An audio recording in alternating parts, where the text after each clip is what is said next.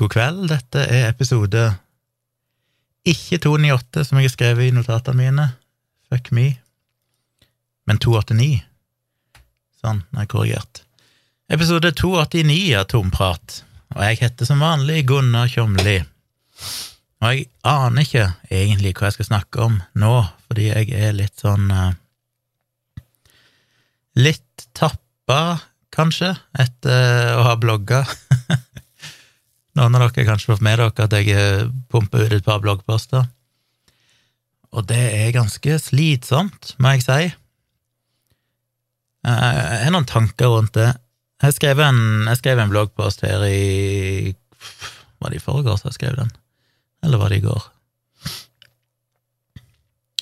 Skal vi se Jeg skal jeg gå helt i sør her. De, jeg posta den Nei, det var faktisk Hæ? Å ah, ja, nei, det var last update. Posta i går, 29. mai.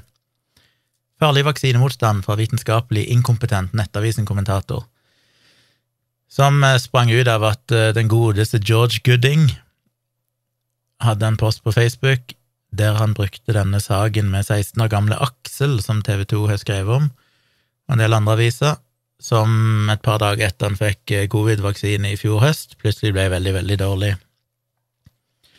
Og så skriver da George Gooding en sånn post der han tagger Ingeborg Senneset med Ser du, Ingeborg Senneset, det er sånne som Aksel, du og vaksinepusherne har på samvittigheten.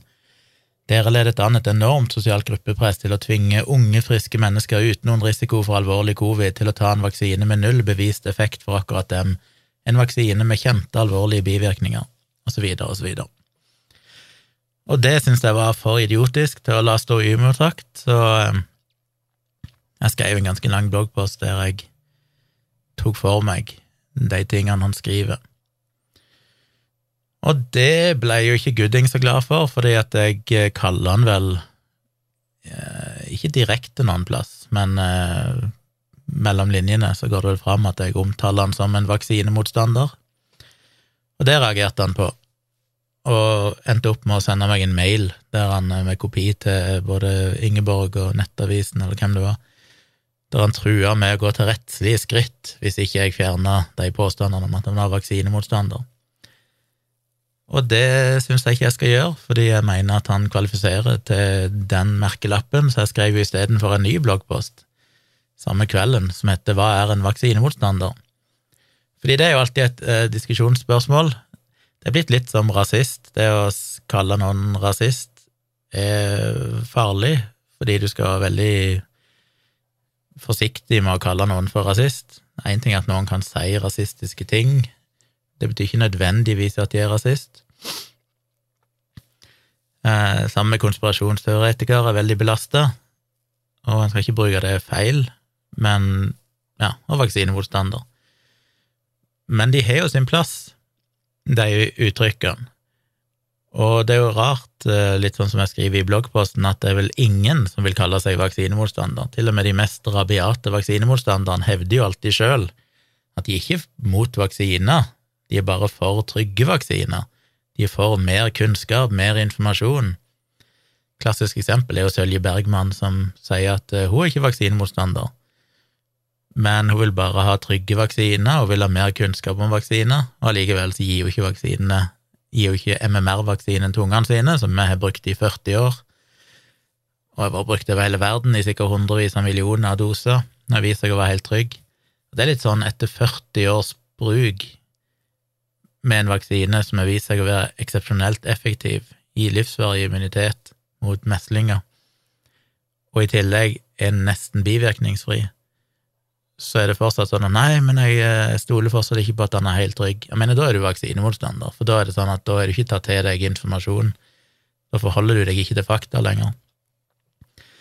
Så grunnen til at jeg kalte Gooding en vaksinemotstander, var fordi jeg var inne og Ennå følger ikke han på Facebook, eller noe, så jeg ikke annet hva han posta, men når denne her posten her dukka opp, så gikk jeg inn på sida hans og bare søkte på alle postene der han hadde skrevet om vaksiner.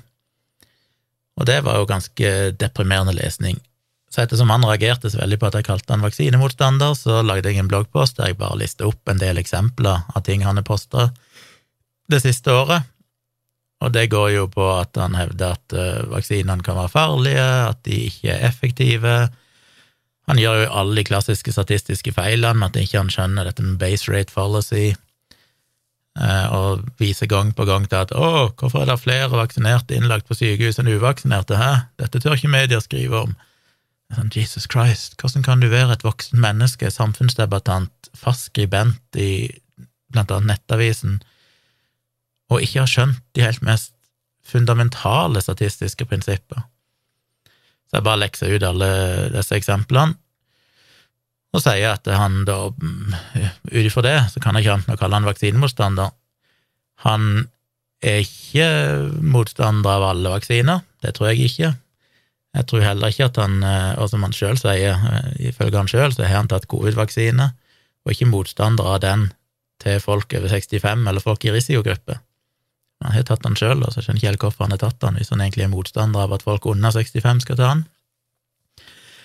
Men eh, hvis du bruker hele pandemien på å drive, drive og spre desinformasjon som gir folk inntrykk av at dette er en vaksine som kanskje ikke egentlig virker, og kanskje til og med er farlig, gir deg mer, eh, større risiko for at du blir syk, kanskje til og med større risiko for at du dør av covid, da er du vaksinemotstander.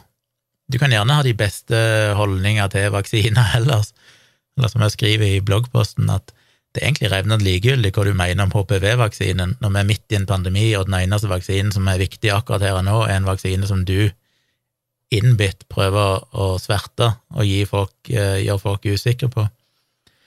Da er du en vaksinemotstander. Og det mest fascinerende er jo at når jeg måtte google ordet vaksinemotstander sammen med navnet hans, og oppdaga jo da at han på sin egen blogg, som heter hva den heter, Amerikansk politikk, eller noe sånt, ja, amerikanskpolitikk.no, så er han jo sjøl skrevet om vaksinemotstandere. Han er jo ekstrem på å skulle forsvare alt som handler om USA.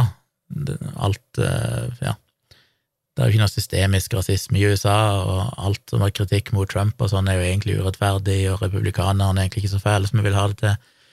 Og det kan godt være han har gode poenger i ting han skriver. Jeg er jo 100 klar over at det er nok en overdreven negativ bias mot Trump og sånn òg, der det til og med hvis han gjør noe bra, så kan ikke det ikke sikkert det får nok oppmerksomhet. Eh, det er liksom blitt gått sport i å, å, å, kritisere mye av de tingene, så det er bra at vi har noen som prøver å liksom korrigere det, setter jeg pris på. Selv om jeg ikke leser bloggen hans, det får jeg fra andre kilder. Men inne på den bloggen hans, amerikanskpolitikk.no, så har han jo sjøl prøvd å forsvare republikaneren, for da jeg, vet ikke, jeg så ikke hvor gammel den bloggposten hans var, kunne se når den var skrevet. Den var skrevet tilbake i 2015, og da skrev han jo om en eller annen påstand om at det var liksom republikanerne i USA som var mest vaksineskeptiske og sånn. Og så prøver han da å korrigere det bildet litt og si at ja, det er ikke helt riktig, for han må jo alltid forsvare republikaneren. Så han eh, ja, så han diskuterer det litt, og så viser han da til dette her liberale Hollywood og mange filmstjerner og sånn som har vært mot vaksiner, blant annet Jenny McCarthy, Bill Marr, Katie Couric, eh, Jim Carrey og andre. Og de omtaler han jo basically som han, han, bruker ikke ordet vaksinemotstander, men han kaller det for at de er, sier at de er spredt vaksinemotstand, og det er vel det samme som en vaksinemotstander. Men hvis du går inn og sjekker hva for eksempel Jenny McCarthy sier, så sier hun sjøl at hun er ikke imot vaksiner, hun er bare pro trygge vaksiner. Uh, hun er ikke imot at du skal gi ungene vaksiner, du bør bare kanskje vente litt. Denne klassiske too many too soon-argumentasjonen, som jo er fullstendig vitenskapelig feil. Og så bør du kanskje ikke gi de alle vaksiner, og det er jo primært MMR-vaksinen hun er imot, for det er jo tro at den gjorde at sønnen hennes fikk autisme. Bill Marr har jo òg vært veldig antivaksiner, fordi han er jo generelt sett mot alt av skolemedisin og legemidler. Men når du ser hva han sjøl sier, så sier han jo at han ikke påstått at vaksiner ikke virker, han bare mener at ikke vi trenger de. Eh, Katie Couric, som òg George Gooding omtaler som en som er spredt vaksinemotstand, sier sjøl at hun har vaksinert ungene sine eller døtrene sine mot HPV. Så de havner jo på en måte i akkurat samme kategorien som George Gooding, noen som ikke er imot alle vaksiner, og de har til og med tatt vaksiner sjøl, men George Gooding kaller de for vaksinemotstander. Så det er litt interessant at han da er så krenka over at jeg kalte han vaksinemotstander, når han har brukt et år eller to på å fortelle folk hvor farlig og ineffektiv covid-vaksinene er at han til og med truer meg med rettslige skritt for å stoppe det. Og det er jo ekstra ironisk når George Gooding, som er liksom mesteren av å ja, å, være sånn anti-woke, og at folk blir krenka av alt mulig nå til dags. Så fort han får et eller annet merkelapp satt på seg, så truer han med søksmål. Og det er jo ganske vanlig fra den sida der. De mener jo at folk må tåle litt rasisme, og de må tåle litt transhets og litt sånne ting. Det, det må jo folk bare tåle. Men så fort noen er litt lite grann eh, kritiske mot deg, så henger søksmålene løst. Det er jo sammen med Jordan Peterson og den gjengen der. Så ja, ikke så veldig imponert. Men det ble nå en, en bloggpost. Jeg syns det var greit å skrive en liten bloggpost om dette med hva som er en vaksinemotstander. Um, og så skriver jeg jo òg at det selvfølgelig er subjektivt. Noen vil kanskje si at for å være vaksinemotstander, så må du være motstander av alle vaksiner. Du må være mot prinsippet med vaksinering. Problemet er at hvis du følger den definisjonen, så finner du vel egentlig ingen som vil erklære seg som vaksinemotstander. Ja, det er kanskje noen, men det er få. De fleste vil jo alltid si at de er jo egentlig ikke mot vaksiner, de bare føler ikke at vaksinene vi har nå, er trygge nok, eller et eller annet sånt. Så det blir litt håpløst hvis du skal bortdefinere absolutt, hvis du skal ha liksom den strengeste kategorien av, eh, av, alt. Det er litt som med konspirasjonsteoretikere, som jeg skriver i bloggposten, at hvis du tror på QAnon-konspirasjoner, men ikke tror at, CIA, tror at CIA drepte JFK, eller at George Bush sto bak 9-11, eller sånne ting, eller at vi var helt overbevist om at vi har landa på månen og sånn, så kan du ikke si at derfor er jeg ikke konspirasjonsteoretiker, for jeg tror jo på de fleste tingene, det er bare akkurat det med QAnon som er den konspirasjonen jeg tror på. Sånn blir det jo litt med de vaksinegreiene òg, du kan ikke si at du er for alle vaksinene, men akkurat denne vaksinen. Fordi til syvende og sist så handler det jo om at vaksinemotstand, som jeg har sagt før, er jo en konspirasjonsteori. George Gooding kan si jeg er ikke vaksinemotstander, men hvis du konsekvent poster innlegg på Facebook der du gir inntrykk av at Folkehelseinstituttet og helsemyndighetene holder dere for narr, enten at de vil dere vondt, eller at de er for inkompetente til å skjønne det som George Gooding skjønner ved hjelp av sine misforståtte statistikker og tvilsomme kilder, så er det jo en konspirasjonsteori, for da er det jo bestemt deg for at så lenge de vaksinene er anbefalt, eh, både godkjent og anbefalt av myndighetene, hvis de gjør det mot bedre viten, eller fordi de er styrt av skjulte krefter, eller fordi de er en eller annen samarbeid med Big Pharma eller et eller annet sånt, så er det konspirasjonsteori. Så du, ikke, du kommer liksom ikke unna det at uh, så lenge det er vaksiner som det er internasjonal konsensus om at er trygge og anbefalt, hvis du mener at de ikke burde være trygge og anbefalte, så tror du på en konspirasjonsteori, rett og slett. Så det, alt det der henger jo, henger jo, sammen. Så det var interessant å skrive deg. Det som ikke er så veldig gøy, det er jo når du poster det og ser hvor ekstremt mange idioter som finnes der ute. Altså, det Jeg prøver å tenke litt tilbake igjen. Jeg har jo ikke blogga så aktivt de siste årene. Og jeg blogga jo mye om vaksiner sånn tidligere. Uh, jeg vet ikke, jeg fikk jo hundrevis og tidvis tusenvis av kommentarer i blogg i kommentarfeltene, men det var primært når jeg blogga om innvandring og sånn. Når jeg blogga om vaksiner, så hadde du alltid de kjente vaksinemotstanderne. Du hadde liksom en gjeng med vaksinemotstandere som holdt på inn i sine egne Facebook-grupper og liksom kom ut og, og, skulle skrive et eller annet dritt. Men jeg føler det er mulig jeg husker feil, men jeg føler det som har endra seg nå, er at nå kommer det så mange i gåseøyne vanlige folk på Twitter og skal fortelle meg at ja, men vet du ikke at vaksinene ikke hindre noen smitte, hindre smitte.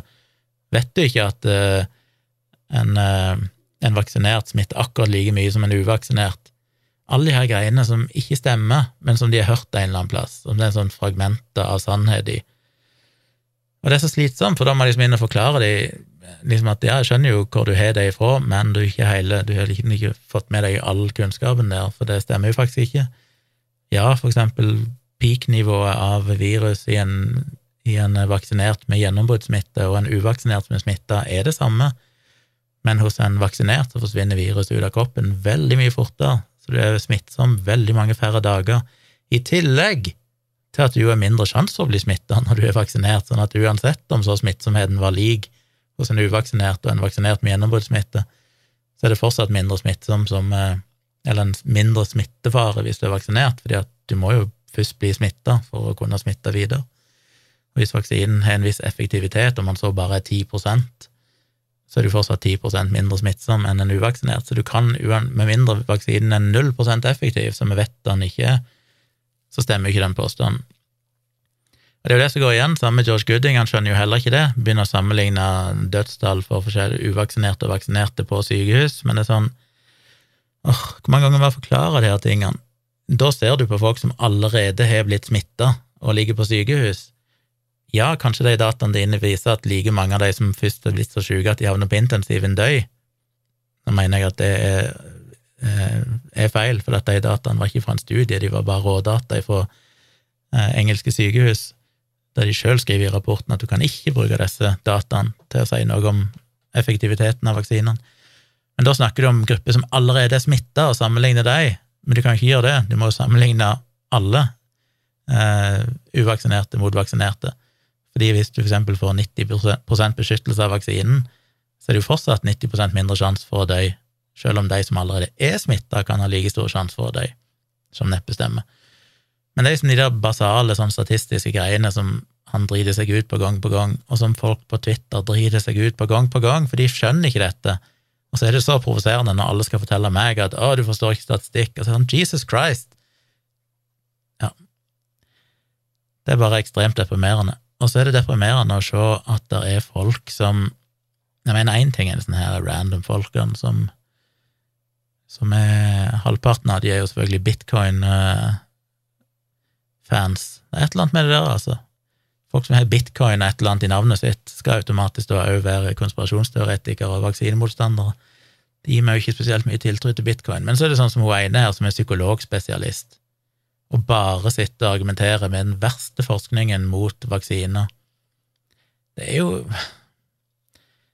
Det er jo deprimerende at du kan bli psykologspesialist. Eh, hvis du er psykologspesialist, betyr det at du har en medisinsk, at en legeutdannelse i bånn. Så det er jo deprimerende å se at uh, en del oppegående folk som følger henne. Så ja, jeg blir litt uh, oppgitt, rett og slett. Og jeg tror forskjellen er Det er klart det er vel en forskjell, for i, i gamle dager, for å kalle det det, fra 2010 eller noe sånt, og noen år framover, da jeg blogga mest om vaksiner, så var det vel litt sånn sært. Det er klart Vi hadde jo nettopp vært gjennom en svineinfluensapandemi, og det var litt oppmerksomhet rundt uh, Pandemrix, selvfølgelig, pga. disse narkolepsitilfellene og sånn, men det var vesentlig mindre, og det la seg ganske fort.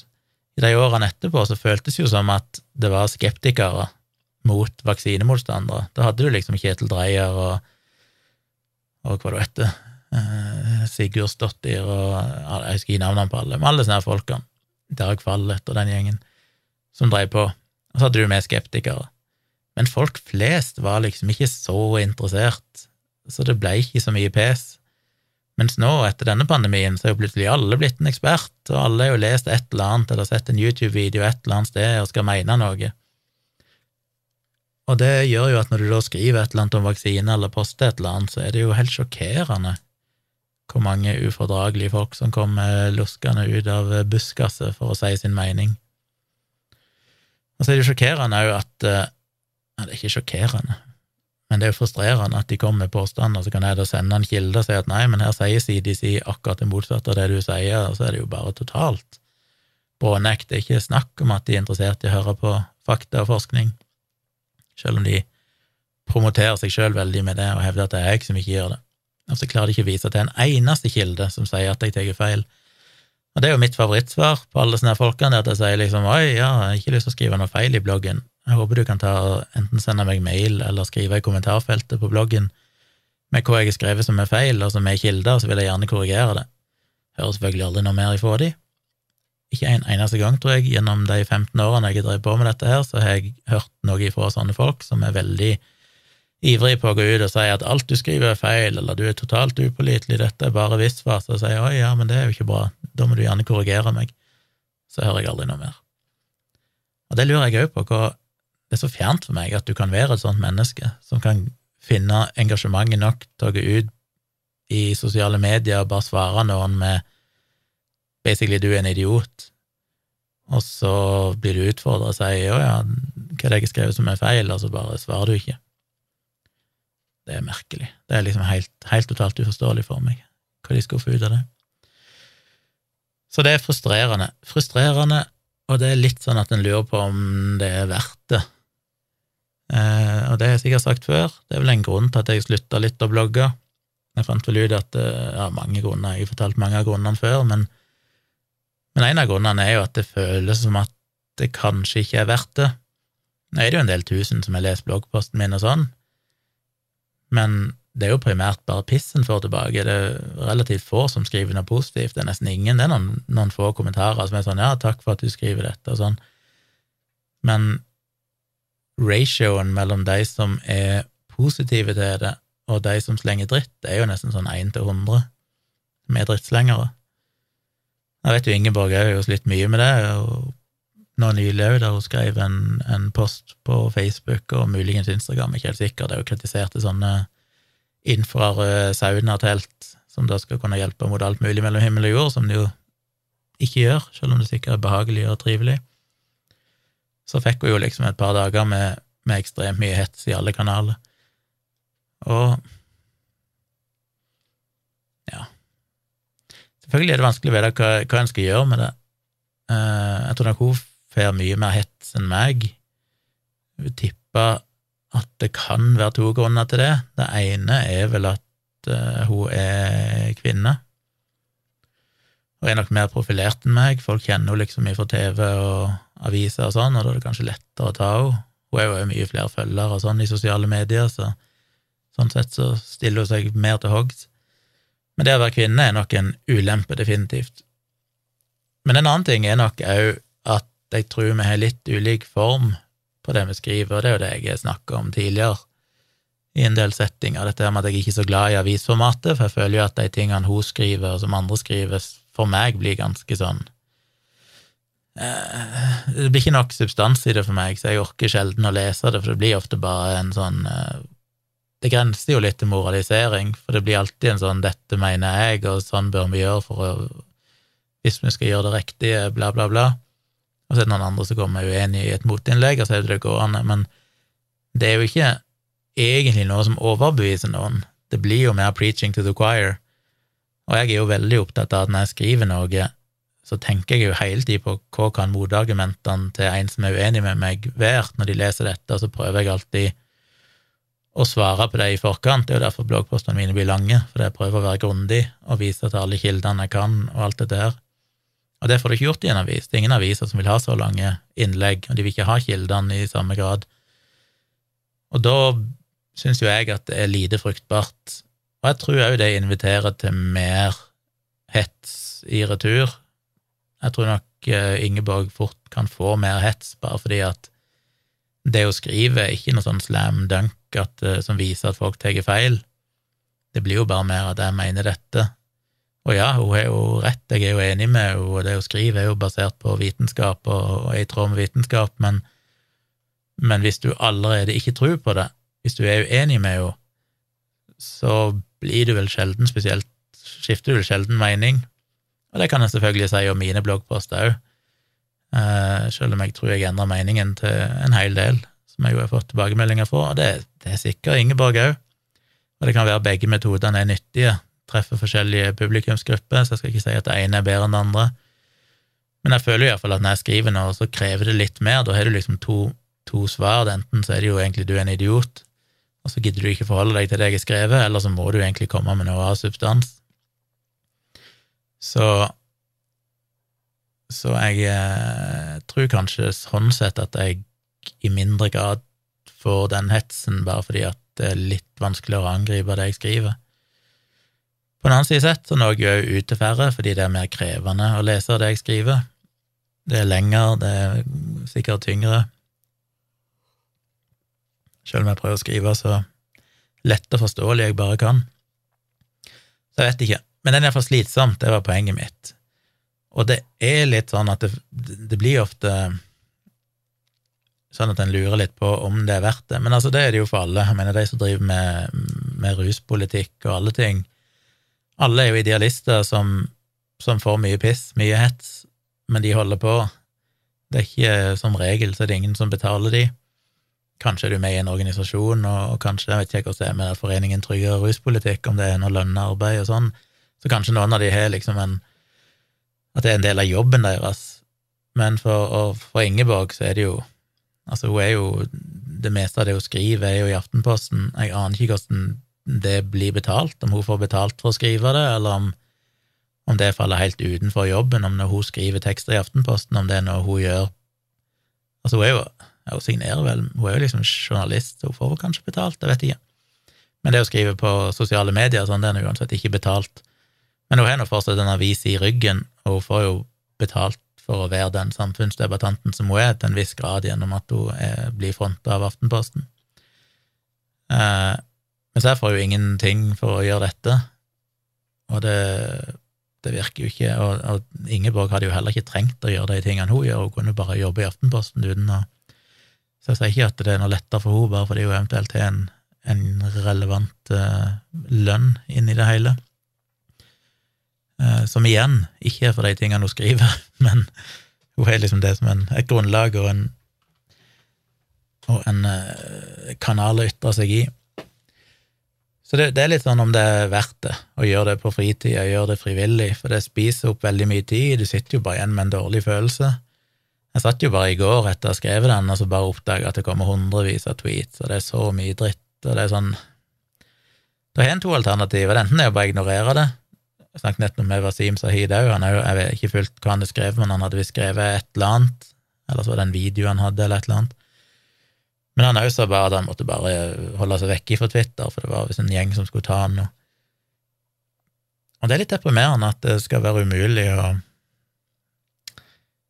At det er blitt sånn at det er vanskelig å faktisk kunne være en samfunnsdebattant uten at du må tåle så mye hets. Jeg vet jo at det er folk som er det verre enn meg, jeg mener spesielt folk med innvandrerbakgrunn og alt mulig sånn. Jeg sier ikke at jeg er det verst, men jeg bare sier at det er slitsomt. Så det kommer jo alle sånne beskyldningene fortsatt, det er så, så 80-talls, men allikevel, til og med nå på den siste bloggposten, så er det selvfølgelig noen som vil komme med dette her med å hevde at jeg er kjøpt og betalt, eller får betalt av noen for å skrive dette her, som er så flaut og barnslig at jeg bare skjønner ikke hvordan voksne mennesker jeg må bare alltid minne meg sjøl på at halvparten av befolkningen har under 100 i IQ. Og det er på en måte betryggende, for da tenker jeg ok, det er en 50 der som er som er, som er dummere enn gjennomsnittet. Og det er halvparten av befolkningen. Det er litt skremmende mange. Per definisjon så er det jo selvfølgelig det. Men da kan du kanskje heller ikke forvente mer, at når halvparten av befolkningen er Fordi Selvfølgelig er de, altså per definisjon, så er halvparten dummere enn gjennomsnittet, eh, når gjennomsnittet er basert på det. Men jeg tenker at hvis du har under 100 i IQ, så er du ikke Da kan du vel neppe gjøre deg de mest komplekse resonnementene. Så det forklarer vel kanskje det, altså vi må jo bare leve med det. Men når de kommer med en sånn kjøpt og betalt-greie, så er det bare håpløst, og da tenker jeg at hvis vi allikevel skal bli beskyldt for å ha kjøpt og betalt overalt, kan ikke noen betale oss noen penger, da? kan ikke en eller annen veldedig fyr si at ok, jeg setter pris på den jobben du gjør, send meg eh, Jeg sender deg eh, en, en milliard, en liten milliard inn på konto, som takk for bryet. Jeg syns Folkehelseinstituttet og Helsedirektoratet og sånn, de burde ha spandert en sånn eh, på sydenferieepoke, der vi kan kose oss på statens regning, som takk for at vi tar den fuckings kampen som ikke de gjør. For de tar jo ikke disse her krigene. De slipper jo unna. Og det er det som er litt deprimerende, som jeg sa allerede når jeg skrev min første lange bloggpost om dette, den om Gro Lystad, den lange 100 000 tegns bloggposten min om vaksiner tilbake i 2010 eller noe sånt. Det var jo det, liksom, hvorfor er det jeg som skriver dette, hvorfor, hvorfor sitter jeg, og den skrev jeg jo bokstavelig talt, mens jeg satt i Maspalomas på en uh, sydenferie alene. Brukte 24 timer på å skrive den, heller enn å være ute i sola og kose meg. Og da er det litt sånn, hvorfor er det jeg sitter og gjør dette, hvorfor er ikke all den informasjonen her blitt uh, publisert på samme måte av for eksempel Folkehelseinstituttet? Men verken de eller Statens strålevern eller andre sånne instanser er jo interessert i å gå i debatt. Uh, og da er det jo opp til oss ildsjeler å prøve å ta den diskusjonen som kommer, og korrigere faktafeil. Nærmest du kommer noe som er i gåsehud offentlig, er jo faktisk.no. Det er liksom det nærmeste du kommer noen som tar den jobben med å faktisk drive debunking og faktasjekking av ting. Jeg har jo hatt foredrag for Folkehelseinstituttet og diverse andre og forklart de disse tingene at jeg savner at de har en eller annen form for blogg eller et eller annet, der de litt sånn kjapt kan prøve å ta for seg myter og påstander, litt sånn som faktisk.no nå gjør, da. Det oppsto jo seinere. Men det er jo aldri kommet. Og problemet det, eller grunnen til det, er jo bare at de aldri kan gå ut med informasjon som jeg ikke er liksom faktasjekka opp og ned og i mente. Så de klarer aldri å være på ballen fort nok. Det vil sikkert ta ukevis ifra noen der klarer å skrive et eller annet til det er gått gjennom alle instanser som skal godkjenne det. Og da er det liksom litt for seint. Du må være på ballen med en gang, helst i løpet av en dag eller maks to, for at det skal være aktuelt å drive faktasjekking. Så, så det er vanskelig, og det er litt sånn deprimerende.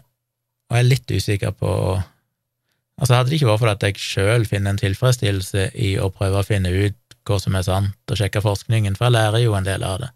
Jeg har jo lært en del nå òg når jeg har skrevet disse bloggpostene. Det er ting jeg Kanskje ting jeg trodde jeg visste, men jeg da faktisk må ha kilder på det, som jeg begynner å lese, og så, så lærer jeg nye ting. Um, ja. Så det er jo det er jo nyttig sånn sett. Jeg, jeg blir klokere sjøl, forstår litt mer. Men uh, det er jo mye arbeid. Jeg mener den bloggposten, den første bloggposten, den brukte jeg vel ni eller ti timer på.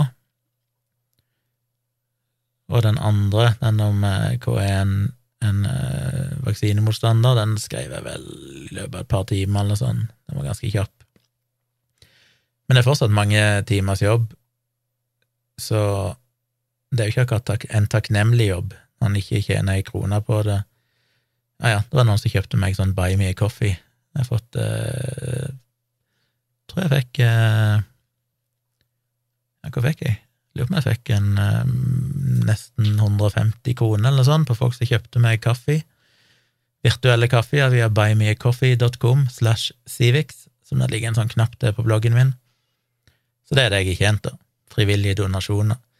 Og så får jeg jo indirekte betalt, selvfølgelig, med alle dere som er hyggelige nok til å støtte meg på, på Patrion. Eh, så jeg får jo sånn sett litt tilbake igjen økonomisk. Men med tanke på at det er så mye piss og hets og ja, Anyway, jeg skal ikke klage mer, men spørsmålet er jo alltid bare det om jeg skal ignorere det, eller om jeg faktisk skal svare. Jeg har jo vært flink på å ignorere det de siste årene, fordi at jeg oppdager at det ikke er sunt eller spesielt nyttig å sitte og svare på tweets. Denne gangen så begynte jeg å svare på noen. Jeg får se, det roer seg litt nå, så det kan være at det gikk greit. Men skulle det storme igjen, så tror jeg bare jeg tenker at fuck it. Det får bare være.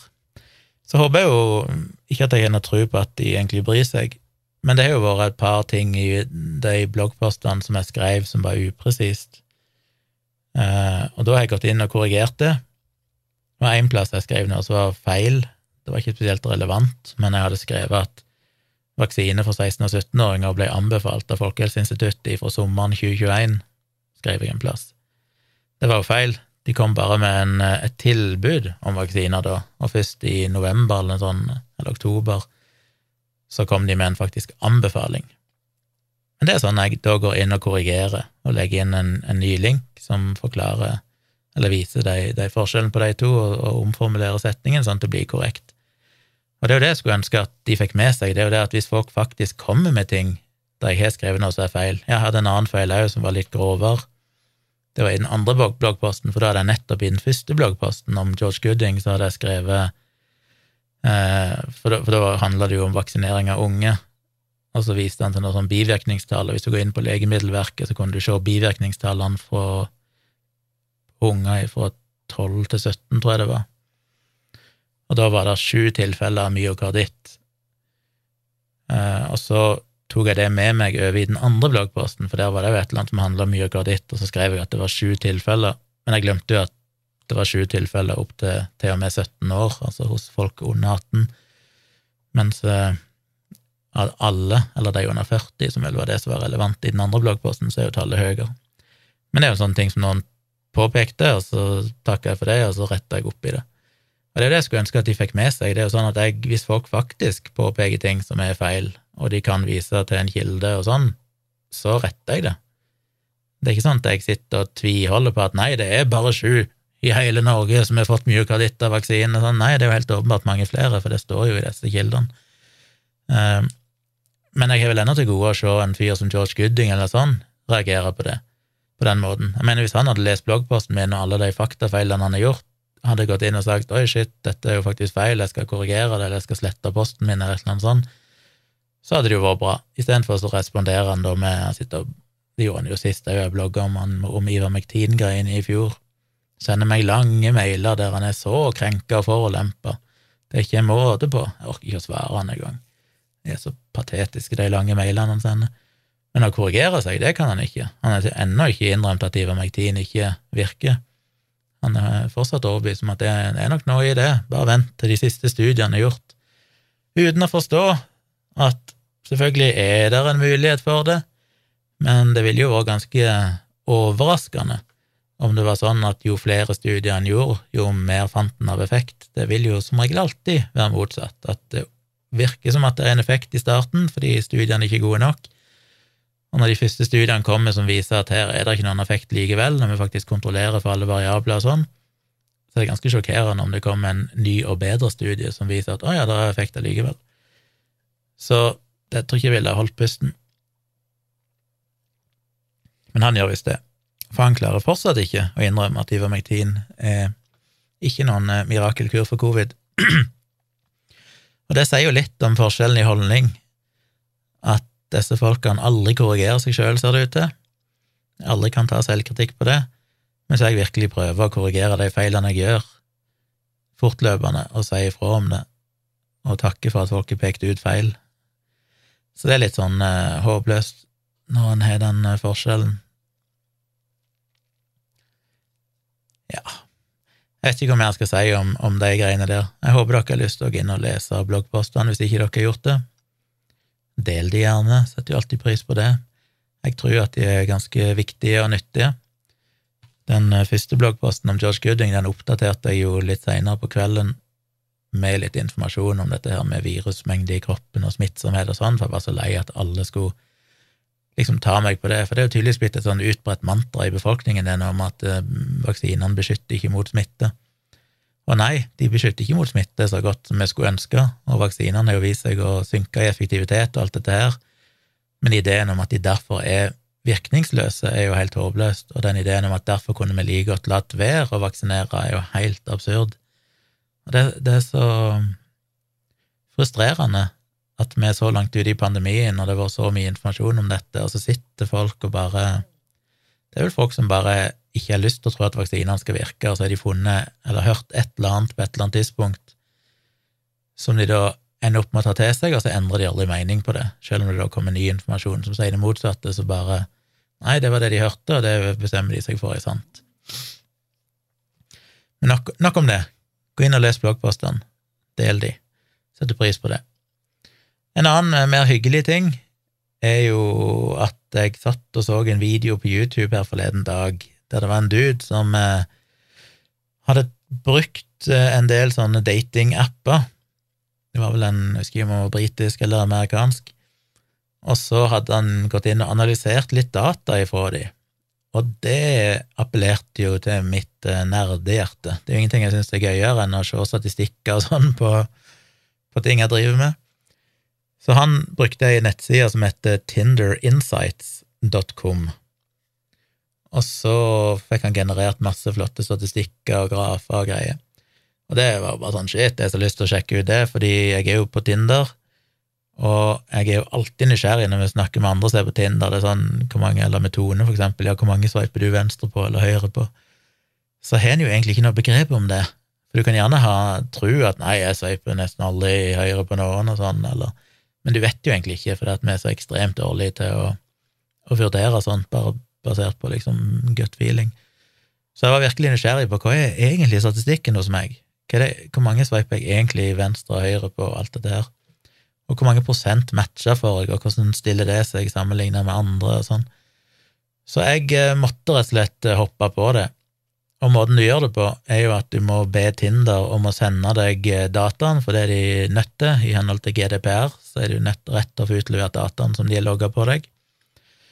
Det får du ikke gjort via appen, du må inn på tinder.com og logge deg inn på profilen din på nettsida, og så må du grave deg fram og finne den her download-greia. Det står en steg-for-steg-forklaring inne på tinderinsights.com om hvordan du får tak på disse dataene. Så du basically, etter å ha verifisert deg og sånn, så requester du deg, og så går det to, tre, fire dager, så får du en mail fra Tinder med ei zip-fil som vedlegg, der de har alle dataene dine. Hvis du pakker ut den zip-fila, så er det ei mappe med alle bildene dine, profilbildene og sånn, og så er det ei Jason-fil, som er en sånn strukturert tekstfil, og så er det ei HTML-fil. Hvis du dobbeltklikker på den HTML-filen eller åpner den i en nettleser, så får du opp ei enkel nettside som du kan bruke til å browse gjennom, gjennom innholdet i den Jason-filen, eh, bare på sånn enkel måte. Det er jo litt skremmende med en gang du ser på den, og se hvor mye de faktisk logger om deg. Hvis jeg ser på min her, så er det en del faner på toppen. En først heter user, der er det jo bare de dataene som er registrert på meg, som jeg har lagt inn sjøl, med fødselsdato og når jeg begynte å bruke Tinder og sånn. Og det er viktig å merke seg, de her dataene jeg har nå, er jo bare 131 dager gamle, for jeg har en tendens til av og til slette Tinder og sånn, og så oppretter jeg en ny profil etter en stund. Så jeg har jo hatt Tinder i mange, mange år, men den profilen jeg har nå, har jeg bare hatt i 131 dager. Så derfor er det ikke komplette data. Men der får du jo alt du har lagt inn av innstillinger og bilder og sånne ting. Neste fane heter Media, der får du bare liste opp profilbildene dine. Merkelig nok så ligger det to bilder som ikke er profilbildene mine, som jeg tydeligvis må ha lasta opp, men jeg fatter ikke hvorfor, for de er jo helt ubrukelige. Det var noen sånne tullebilder. Jeg skjønner ikke helt hvorfor jeg noensinne laster de opp en feil eller et eller annet, og så fjerner de den. Gudene vet, men de ligger iallfall der. Så selv om ikke de er i galleriet ditt på Tinder, hvis du har lasta de opp og sletta de igjen, så er det tydelig at Tinder sitter og sparer på de. Så det kan jo være verdt å merke seg. Ikke at det er så overraskende, det er jo som regel sånn det er. Så er det en fane som heter Messages, og der får du jo fuckings alle meldinger, alle conversations du har hatt. Nå er jo de eh, Ja, nei, du får bare de tingene du har skrevet, så du får ikke svarene fra den andre parten. Så du får bare sånn eh, Og matchene, du, du, får ikke navnet på den du har matcha, eller sånt. De heter bare match, og så et tall. Match 107, match 106 og så står det i meldingene du har skrevet, og tidspunkt når du skrev de. Så du får se din side av chatten. Eh, så er det en del ting her som ikke jeg har brukt, som bare er tomme, men du får jo en oversikt over det du har kjøpt, hvis du har kjøpt noen sånne oppgraderinger, eller Er det noe mer interessant? Ja, så er det usage. Den viser jo oversikt over alle ganger du åpner en app, appen, Tinder-appen, på dato, så den 24. januar 2022 så åpner jeg appen åtte ganger. Det er for eksempel eh, logga her. Hvor mer er det? Ja, det er hvor mange høyreswiper du har hatt hver dag. Jesus, hva i all verden var det jeg drev med? Ja, det var tydeligvis 18. januar da jeg begynte å bruke appen denne gangen. Første dagen der så jeg sveipa febrilsk, det var ikke måte på. var ikke engang å si tall. Og så er du venstresveipa, ja. Jeg var aktiv den første dagen, det må jeg si. Hvor mer er det som gjemmer seg nedover her? Så er det superlikes, hvis du har gitt noen superlikes. Hvor mange dager og hvor mange du ga. Du får ikke se hvem du gitt det til, sånn. det står bare et tall, liksom null eller én eller to. Så det er hvor mange matcher du har fått. Du har bare datoene nedover, så står det bare et tall med hvor mange matcher du fikk de forskjellige dagene. Hvor mer er det? Ja, så er det hvor mange meldinger du har sendt hver dag hvor mange meldinger du har mottatt hver dag. Ja, så er det noe annonsegreier. Det var tomt, heldigvis. Noe ID.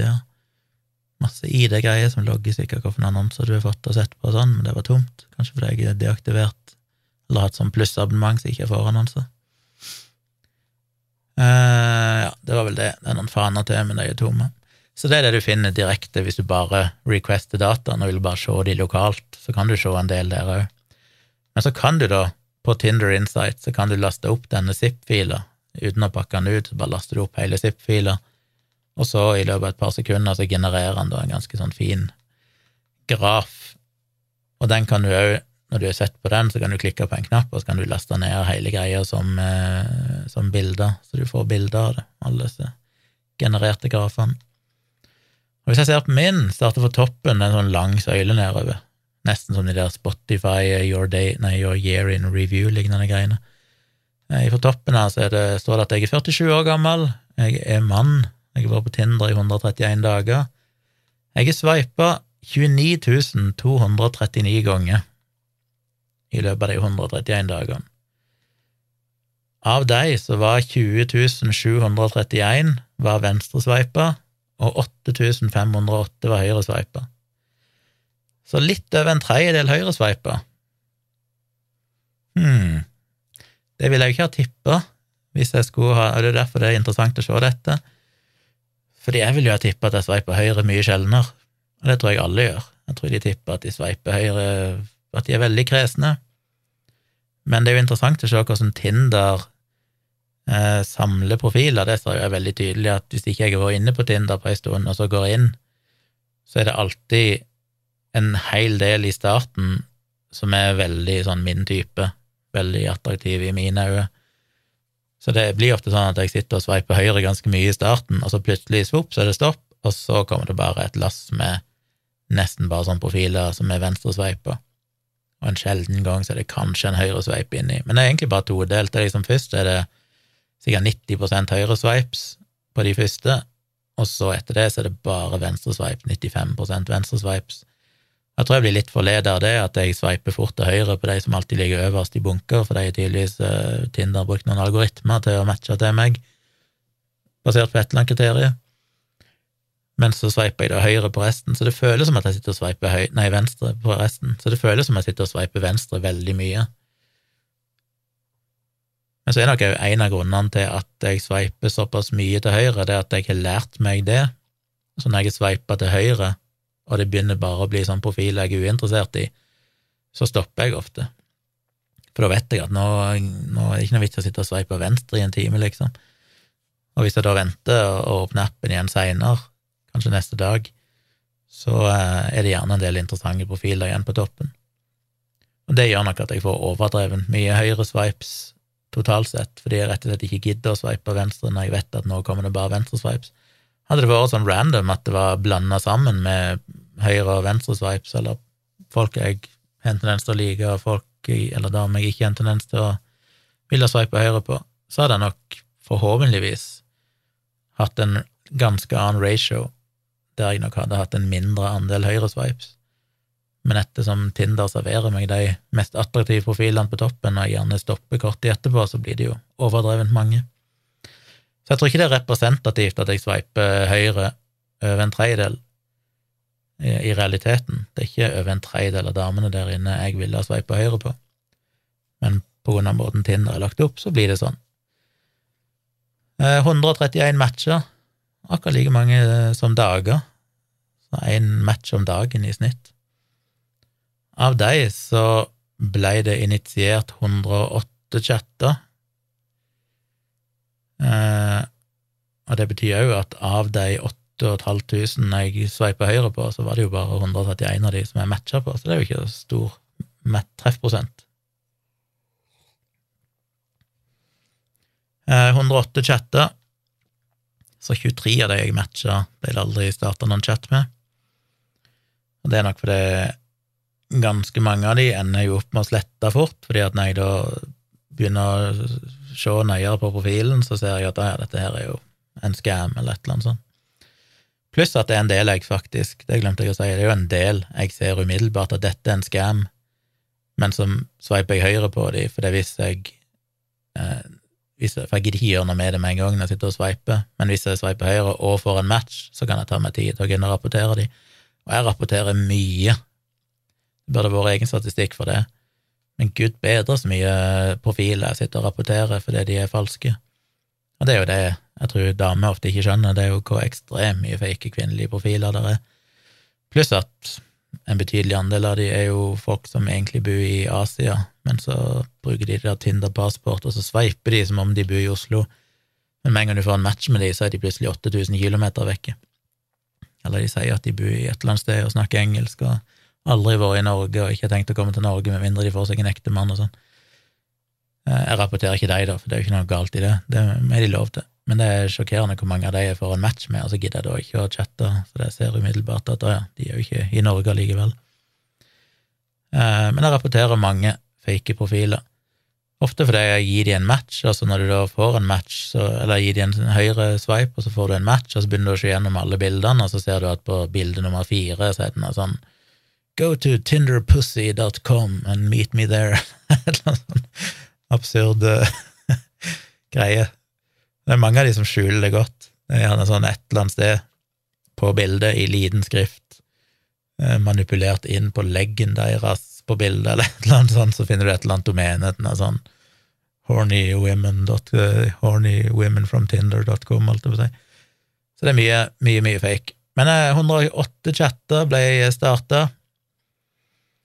Uh, ja, det er så langt han finner ut sjøl, og så kan du sjøl fylle inn, da, på den Tinder Insights, hvor mange dater det ble av det, hvor mange forhold du endte opp med, hvor mange du endte opp med å ha casual sex med, og hvor mange ekteskap du hadde. Det kan ikke Tinder vite, så det kan du fylle inn sjøl, bare for å få det inn i statistikken hvis du ønsker det. Eh, videre så handler det om min aktivitet. Det var 131 dager på Tinder, som sagt. Jeg åpna appen hver eneste dag, så det var null dager da jeg ikke åpna appen en eller annen gang. Så er det en sånn longest inactive period. Den, den er jo bare tom fordi jeg ikke åpner appen hver dag, så you went zero days without opening the app. Så jeg sveipa på alle dager. Jeg chatta på 60 av dagene. Um, så kan du òg få opp, selv om det har jeg fått null på, men han på den YouTube-videoen, han hadde noen av de uh, der du får opp hvor mange dager du åpner appen, men du verken sveiper eller chatter. Du bare åpner appen, og så lukker du den igjen. Det har jeg tydeligvis aldri gjort.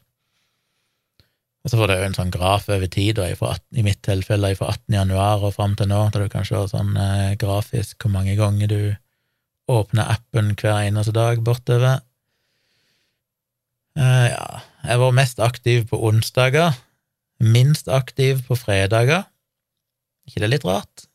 Det tror jeg gjaldt på han der på YouTube-videoen òg, at det var fredagen som var hans minst aktive dag, hvis jeg husker rett. Det er litt rart, jeg skulle tro at det, eh, nå er det party, liksom. Det er fredag, det er helg. Inn på Tinder for moro skyld. Men, eh, men nei, onsdagen er tydeligvis min mest aktive dag. I snitt per dag så hadde jeg 158 venstreswipes og 65 høyreswipes.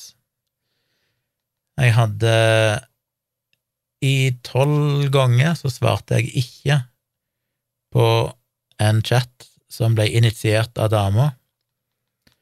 Og det er aldri fordi at jeg ikke vil svare, men det er fordi at jeg ser allerede på første meldingen de sender, at dette er fake, dette er en scam, og så bare rapporterer de. Så tolv ganger så svarte jeg ikke. I snitt så varer chattene mine med en match i én time, og det skjønner jeg godt, fordi at de aller fleste som jeg skriver til, svarer aldri. Eh, de aller, aller fleste matchene jeg får, så skriver jeg en hyggelig melding i første greie, gjerne der jeg prøver å trekke inn noe eh, ifra profilen deres, hvis de har noe tekst, ofte så er det jo ikke det, men jeg får aldri noe svar. Og så lar jeg som regel ligge i ei uke, og, sånn, og så sender jeg kanskje en oppfølging og bare spør om de er her, eller spør om et eller annet samme spørsmålet, eller et annet spørsmål, et eller annet for å få bare vise at hei, jeg savner et svar. Hvis ikke jeg da får svar i løpet av noen dager, så fjerner jeg de. Så de aller fleste Chattene får jeg jo ikke noe svar på. Jeg har faktisk mottatt flere meldinger enn jeg har sendt. Jeg har mottatt 505 meldinger og sendt 473.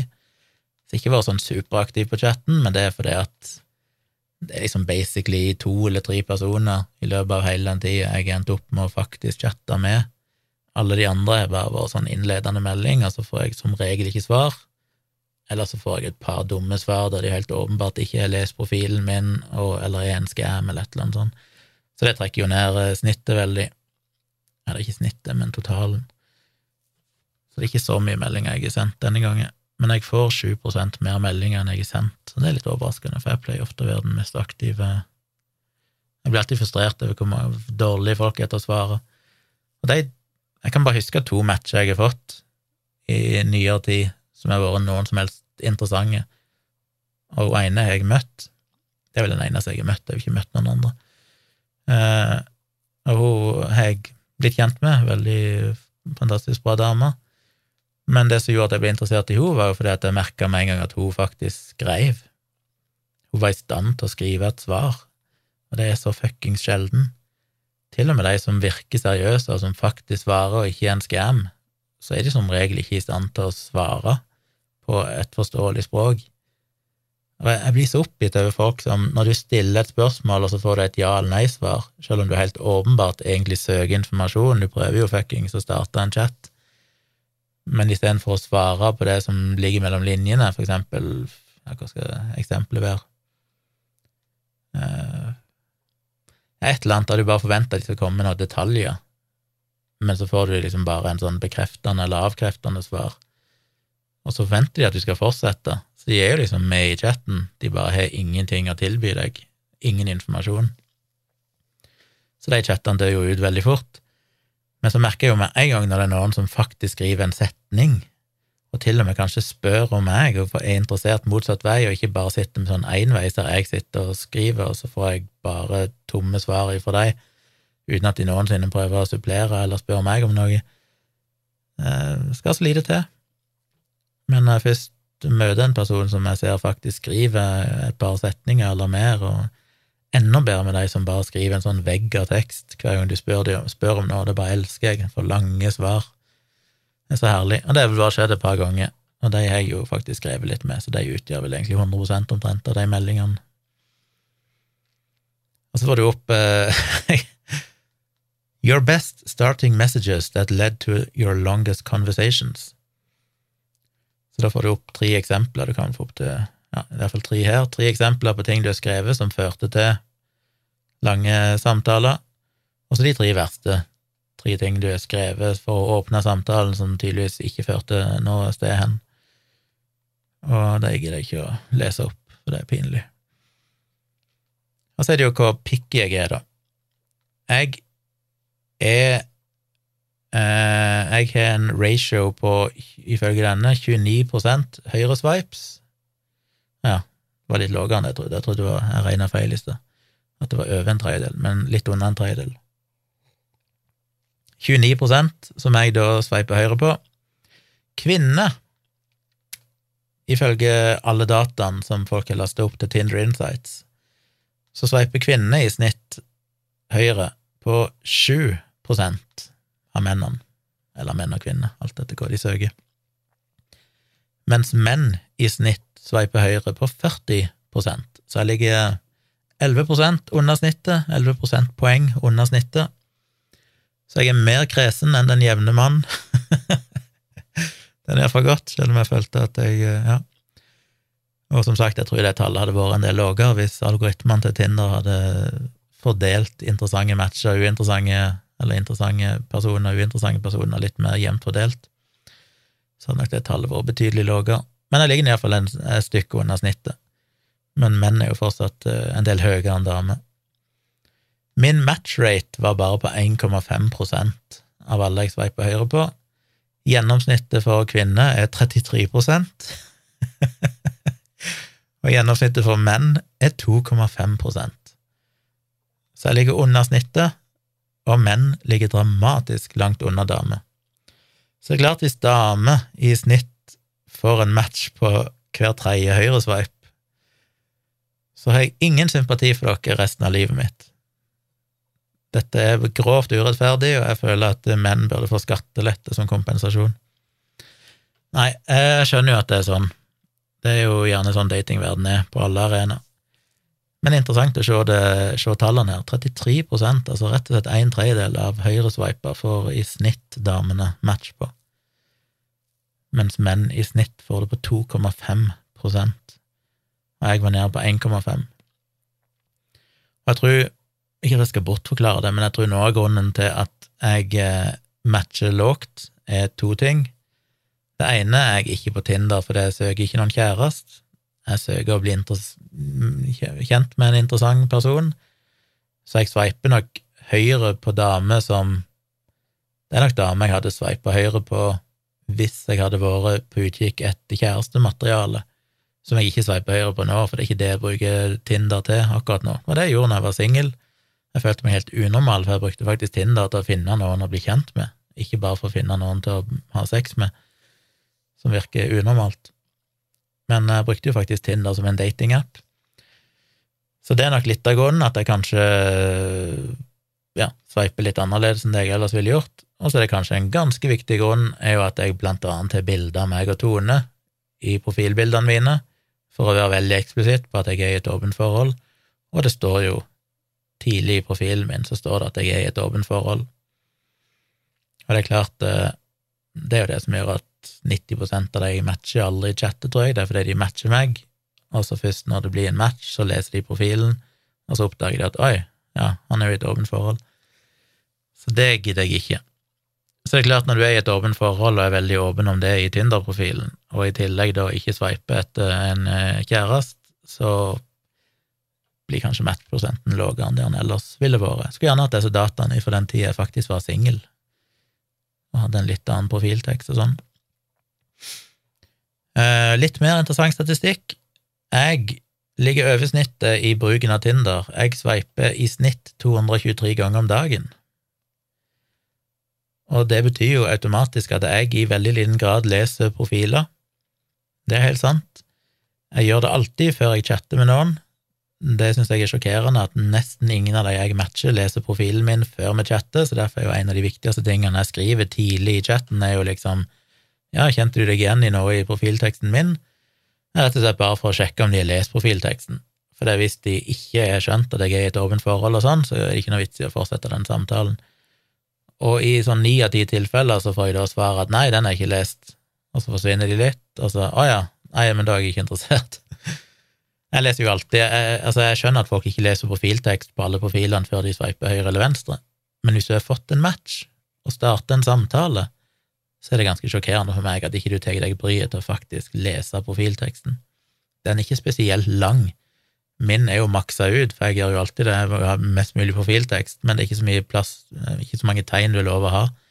Er det 500 tegn eller noe sånt på Tinder? Så det er ikke lange profilteksten, men, eh, men ja.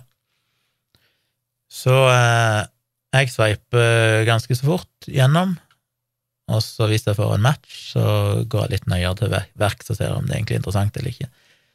Men det som er litt interessant, er at jeg er faktisk mer lik dame, for det er dame sveiper i snitt 200 ganger om dagen, mens menn i snitt sveiper 137 ganger om dagen. Så menn sveiper mindre enn damer. Hmm. Interessant. Jeg sveiper 223, dame 200 og menn 137 i snitt.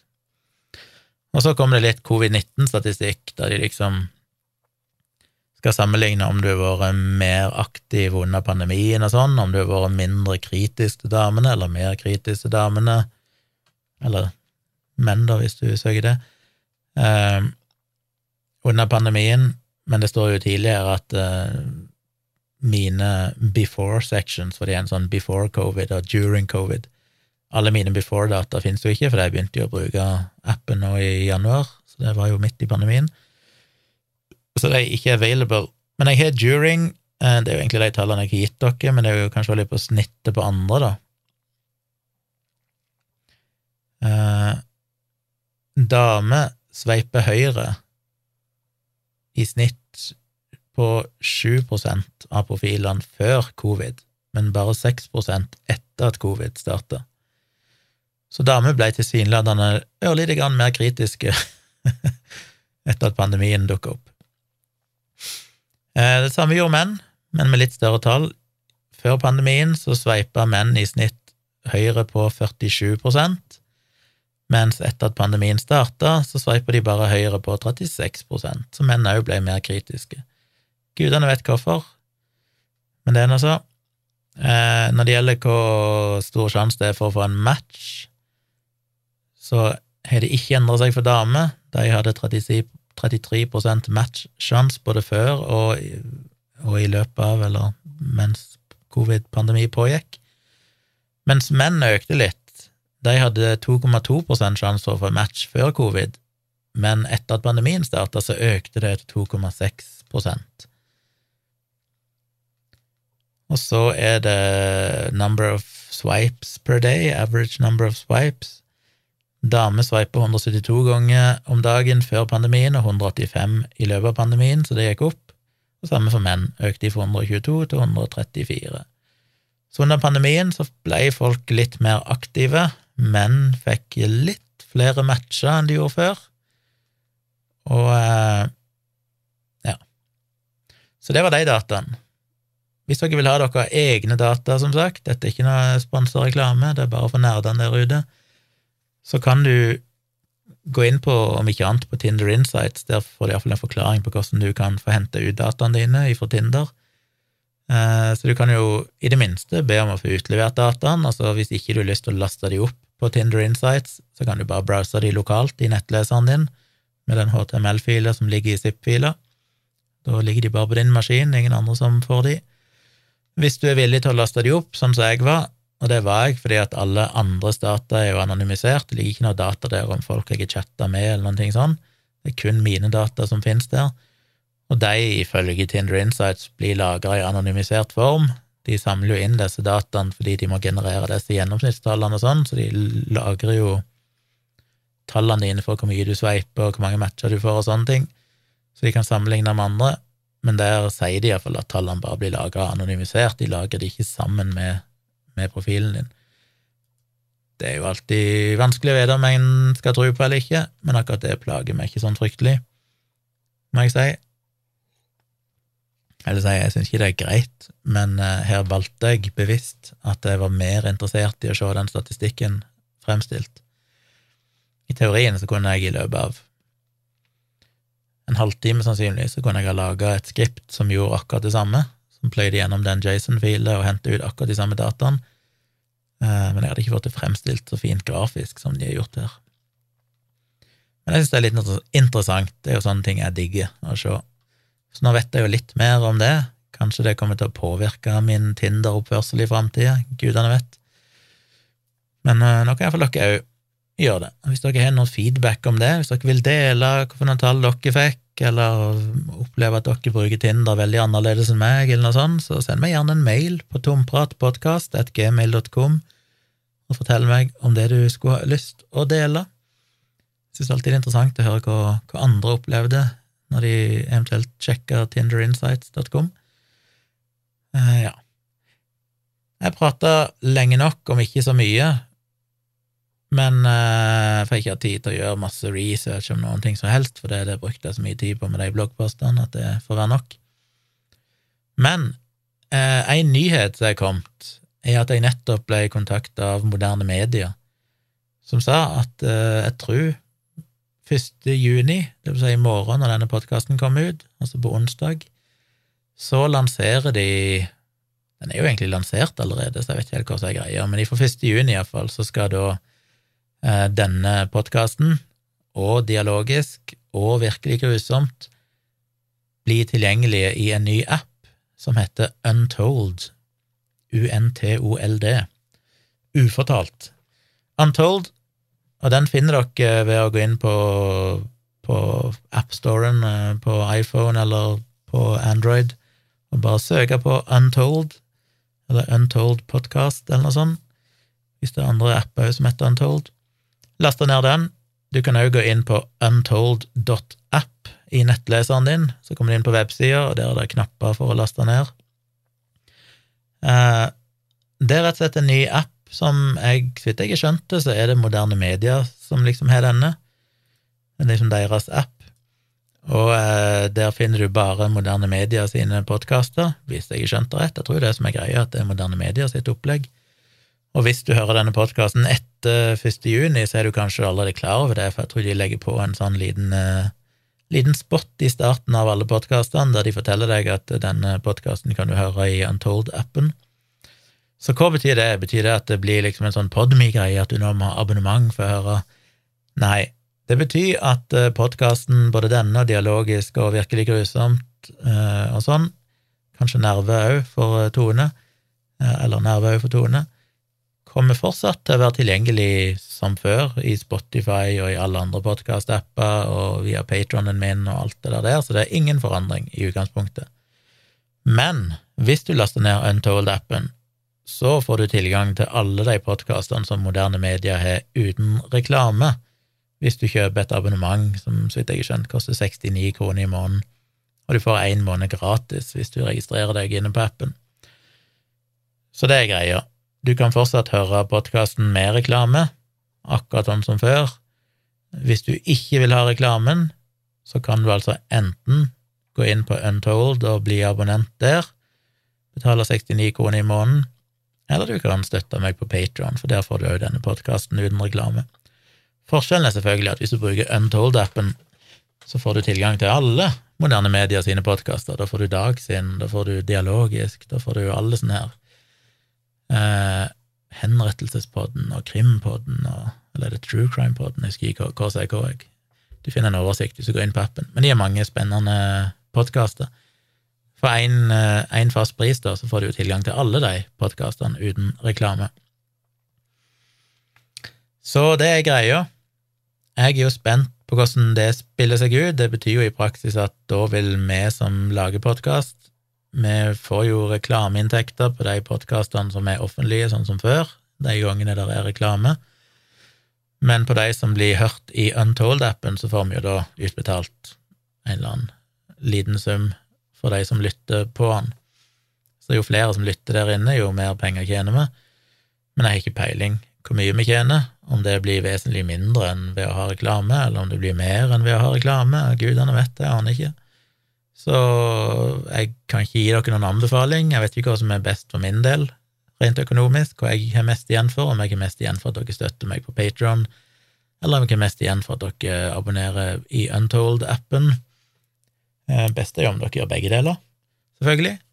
Både bli abonnent eh, i Untold til 69 kroner i måneden med en måned gratis, eller og i tillegg støtte meg inne på patronen min, patron.com slash tjomli. Fordelen med Patron er jo at der eh, er det jo mer enn bare gratis eh, eller reklamefri podkast. Du får den jo òg tidligere. Det gjør du vel ikke inne på Untold, da får du den der samtidig med alle andre. Så det er en liten fordel med å ha patronen, da, akkurat på det området. Men dere får gjøre akkurat som dere vil. For min del aner jeg ikke egentlig hva som ender opp å være best. For deres del så er det kanskje best å være på Untold-appen, for da får dere jo tilgang til mange podkaster i én jafs. Så dette er ikke noe podme, altså. Det er ikke sånn at du mister tilgangen, at du må være abonnent. Du kan fortsatt høre den utenfor appen, du må bare høre litt reklame, som du har gjort hele tida uansett. Men det er litt spennende. Spennende å se hvordan det spiller seg ut. Det hadde jo vært utrolig kjærkomment å fått noen sånne faste inntekter på podkast. Eh, når jeg har annonsører, så er jo det veldig hyggelig, men det er veldig uforutsigbart. Det kan gå perioder der det ikke er noen annonsør, og så plutselig får vi en annonsør, og så Det må heller få fast utbetaling basert på hvor mange som lytter, og hvor lenge de lytter på podkasten din, er jo derimot eh, litt mer forutsigbart. Det er jo et godt insentiv for å lage lange episoder, for du får betalt per minutt, tror jeg. Så jo lengre episoder jeg har, jo eh, jo mer cash blir det. Så nå får dere bare forvente timevis med tomprat i disse episodene framover, bare for å melke dere for penger. Nei da, dere betaler ikke noe mer uansett. Dere betaler en fast pris, så det er ikke noe å si for dere. Men det er jo en nyhet, så jeg er spent på hvordan det blir. Det hadde vært veldig, veldig kult om det faktisk førte til noen faste inntekter, selv om ikke de er så store, så hadde det vært greit å bare visst at du fikk x antall kroner i måneden, i sånn, sannsynligvis, bare fordi du hadde podkaster folk hørte på. Og da er det jo litt lettere å prioritere og liksom føle at det er mer seriøst enn sånn som det er nå, når det føles mest bare som en hobby, og så er du heldig hvis du får en annonsør med noen kroner av og til. Så veldig kult eh, konsept, jeg håper jo det blir en suksess. Jeg har ikke fått testa ut appen noe særlig, jeg har installert den, men ettersom jeg ikke gidder å tegne abonnement sjøl eh, med det første, kanskje jeg må gjøre det, for jeg har jo jeg må jo høre Dag sin podkast, og det er egentlig bare Dag sin podkast jeg hører. Så sånn sett er det en dårlig deal. Ja, jeg vet ikke, får se. Men den ser nå fin ut. Jeg aner ikke hvor bra den appen er, men det er sikkert verdt å teste ut. Så det er jo en liten nyhet. Jeg tror det var alt jeg hadde å si i den episoden. En rar episode, fordi, ja, Tida er gått til å blogge. Husk, og jeg skal lenke til bloggpostene mine. Jeg har allerede posta de inne på Patron, iallfall den første. Jeg posta ikke den andre, for jeg er redd for at dere syns det er slitsomt hvis dere får for mye linker sendt og mailer sendt. Men, eh, men jeg lenker til dem i shownotes, eller så finner dere de jo inne på tjomli.com. Det er de to siste episodene, nei, siste bloggpostene der. Og så er mailen min tompratpodkast at gmail.com. Fortsett å sende meg tips og innspill og tilbakemeldinger og alt dette her. Jeg trenger, trenger flere spørsmål. Det er veldig nyttig å få til for å ha innhold til podkasten, så jeg slipper å, sitte i febrilsk og prøve å finne på noe hver gang. Og så, som jeg har sagt før, det er lov å spørre om ting som ikke nødvendigvis er så veldig vitenskapelig eller uh, samfunnsnyttig òg. Det går an å spørre meg om private ting, holdt jeg på hva jeg mener om ditten og datten, eller bare ting om hverdagen og livet. Uh, ja. Jeg syns det er gøy å prate om sånt òg. Så takk for at du hørte på atter en gang. Jeg eh, skal prøve å være tilbake igjen med ny episode nå på fredag, og så satser jeg òg på en eh, livestream i morgen, eller i dag blir det vel egentlig, tirsdag 31. mars på kvelden klokka 11. Håper jeg ser noen av dere der, inne på Tomprat live på YouTube. Det er alltid gøy. Og ellers så høres vi igjen et eller annet sted ganske så snart.